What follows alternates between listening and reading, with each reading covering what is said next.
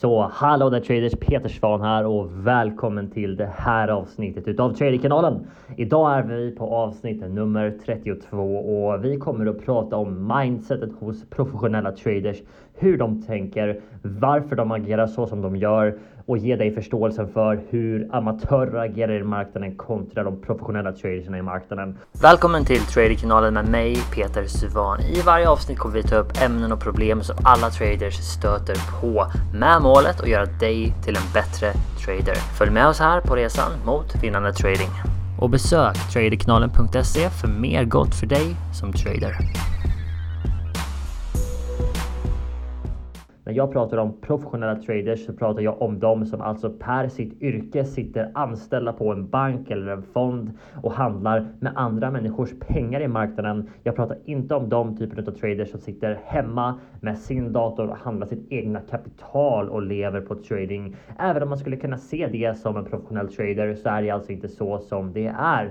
En professionell trader, det är de som sitter på en bank. De sitter i princip med obegränsade resurser och massiva mängder kapital. Det är de som vi pratar om här. Okej, okay? så dagens tema är hur tänker en professionell trader och hur är det som de agerar i marknaden? Ni vet redan om ni följer den här podcasten eller ser våra videos på Youtube att det finns en massiv skillnad eh, i hur en professionell trader tänker kontra en vanlig trader och om du ska ha en chans och jag menar verkligen om du ska ha en chans att lyckas, en chans att nå dina mål som trader så måste du förstå de här sakerna.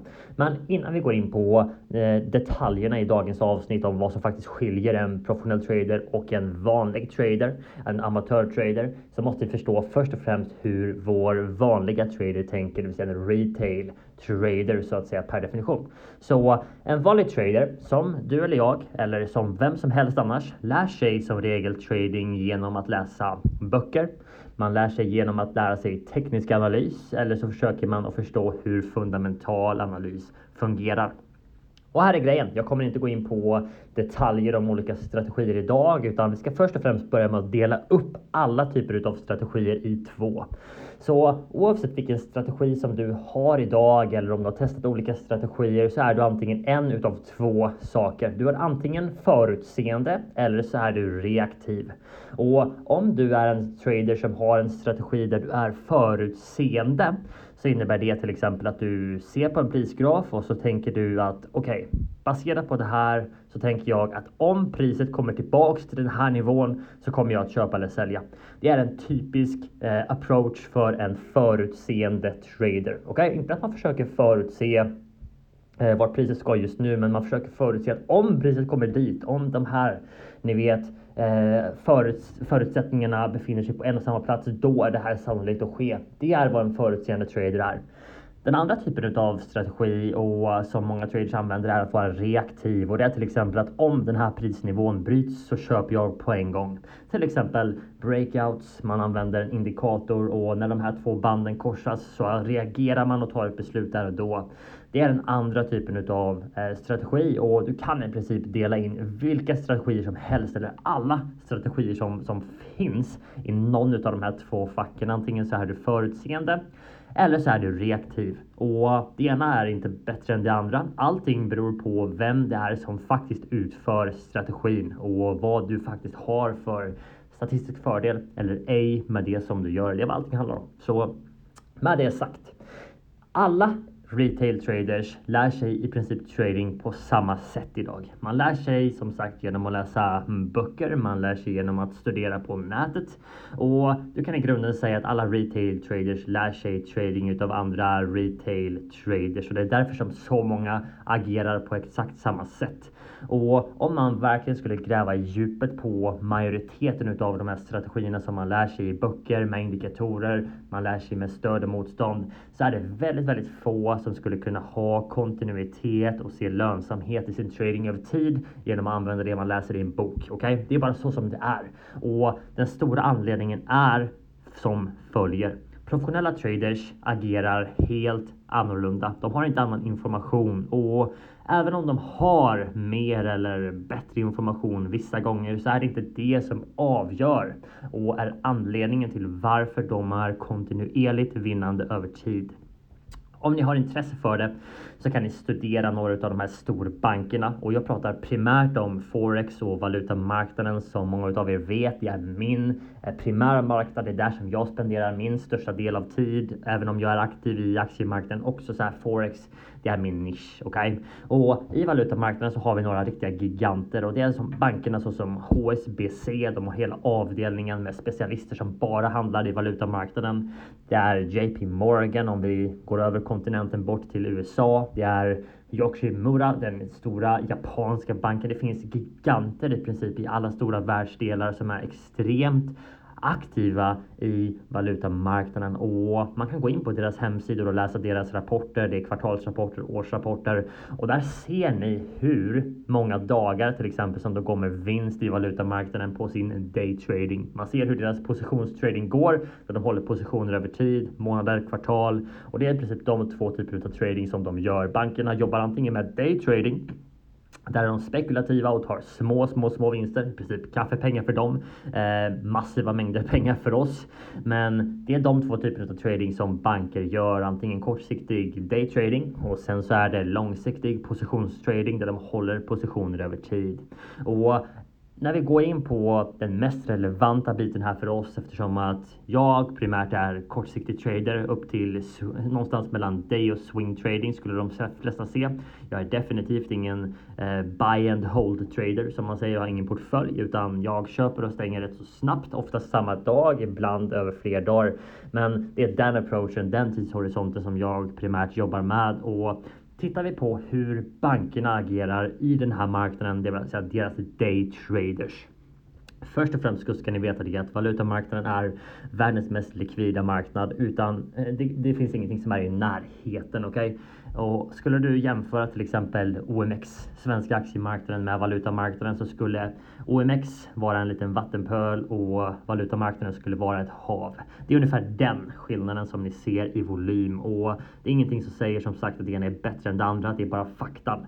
Så Valutamarknaden är extremt stor och eftersom att de mesta av aktörerna i forexmarknaden är professionella traders, det vill säga banker, giganter där ute, så handlar de också med gigantiska mängder kapital. Så när en sån här aktör ska till exempel fylla en köpsposition och vi måste i grunden bara komma ihåg det att i marknaden, oavsett vilken marknad, så måste det alltid finnas en köpare för en säljare för att det ska kunna bli en transaktion. Så om en bank ska gå in och fylla en massiv köpsposition så måste det samtidigt komma in en massiv mängd säljordrar i marknaden för att fylla den här massiva positionen med köp som de har. Om de till exempel skulle försöka att köpa en massiv position när det inte kommer in en massiv mängd säljordrar så skulle priset röra sig jättestort i en riktning och de skulle få jättedålig entry-nivå på sin position. Så det är därför som bankerna ibland, man, man brukar tala om att de manipulerar priset till vissa prisnivåer för att kunna få en massiv position fylld. Och även om det inte är helt sant så finns det viss logik i det. Eh, och det är därför som jag till exempel har pratat många gånger om hur breakout trading kan vara en svår grej att hålla på med. Och om du är en trader som handlar breakouts och du gör det med framgång eh, så fantastiskt bra. Men om du har testat breakouts och finner att det kan vara svårt att hitta kontinuitet i det så finns det en anledning till det. Och det är för att många traders, framförallt retail traders, är reaktiva. Man agerar på någonting där och då och bankerna vet om det. Så om vi till exempel har en stöd eller en motståndsnivå som har testats massa gånger så vet man att många av retail traderserna kommer att sitta och bevaka den här prisnivån. Och om den prisnivån bryts så kommer många av de här retail traders antingen köpa om vi bryter nivån uppåt eller sälja om nivån bryts neråt. Och det ni bara måste tänka på är vad som händer, ni vet bakom kulisserna när det här sker. Om det kommer in en massiv mängd köpordrar i marknaden så måste det också vara någon som kommer in och säljer till alla de här köparna. Eller hur? Det är bara logik och det är så som det funkar. Du kan inte köpa om det inte är någon som säljer. Det är ett nollsummespel och det är så som marknaden fungerar. Så för att det här breakoutet ska kunna ske så måste det alltså vara en massiv mängd eh, säljare som kommer in samtidigt. Och det är därför som det är så många som sen, som sen märker att okej, okay, breakouts fungerar ibland och ibland funkar det inte. Okay? Och de gångerna som det fungerar, det finns ju en förklaring till det och man kan inte veta det innan men du kan se det i efterhand. Men anledningen till att väldigt många breakouts blir så kallade fake outs är för att många av bankerna kommer att använda alla de här köpordrarna som kommer in i marknaden till att fylla sina säljpositioner. Samma sak gäller på nedsidan när ett stöd bryts precis och sen drar sig tillbaka upp och sen fortsätter ett skjut i andra riktningen så är det för att banken har använt all den här likviditeten som kom in ifrån reaktiva retail traders för att fylla sina massiva positioner. Och här är den stora skillnaden på hur retail traders mot professionella traders och vad skillnaden är. Så retail traders försöker alltid att ni vet, förutse vad marknaden ska göra med sin strategi baserat på vad som händer i priset. De läser pris, de ritar ut linjer, de använder indikatorer och så försöker de att ta beslut baserat på det oavsett om de är förutseende eller om de är reaktiva som traders. Banktraders å andra sidan, professionella traders, de sitter och gör en helt annan sak. De sitter och studerar vad retail traders gör för någonting.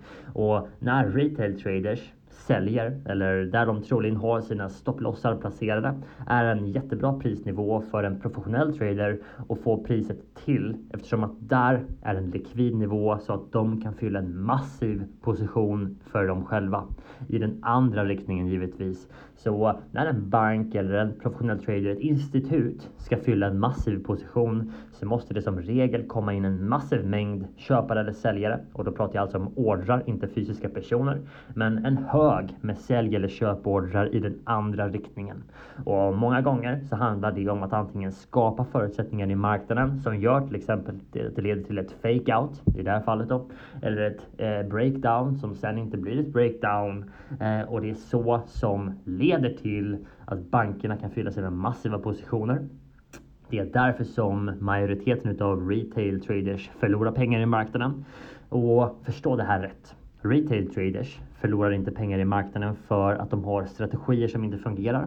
Det är inte det att de har någon information som, som, som, som är fel, utan det är att de bara gör tvärt vad professionella traders gör. Vem som helst kan lära sig hur professionella traders agerar. Det är svårt. Det är mycket svårare att lära sig det och faktiskt läsa priset än att lära sig använda en indikator där du köper eller säljer om ett streck korsas. Men det är också därför som det ena aldrig kommer att fungera och om du lär dig det andra så är det som att cykla. Du kommer att kunna göra det för alltid. Traders, idag har vi pratat kort och gott om den exakta skillnaden för hur professionella traders agerar vad amatörer gör och vad den stora skillnaden är. Det här är saker som väldigt, väldigt få pratar om. Du läser väldigt sällan om det här i en tradingbok, om det ens finns i en tradingbok. Men det här är realiteten och det här är det som du behöver förstå för att kunna börja fokusera på rätt saker i marknaden. Och jag säger det i all välmening. Om du ska ha en chans att lära dig att bli kontinuerlig i marknaden, tjäna pengar över tid, så måste du förstå vad retail traders gör, varför de gör det. Och sen så måste du också förstå att det är till bankens fördel, de professionella tradersarnas fördel, att retail traders gör på det sättet. Och om du ska ha en chans så måste du börja agera som ett proffs. Okej? Okay? Det var allting för idag traders. Hoppas att det här avsnittet hjälper dig att få insikt till att bli en bättre trader. Vi hörs snart igen. Ha det bra! Välkommen till Traderkanalen med mig Peter Suvan. I varje avsnitt kommer vi ta upp ämnen och problem som alla traders stöter på med målet att göra dig till en bättre trader. Följ med oss här på resan mot vinnande trading. Och besök traderkanalen.se för mer gott för dig som trader.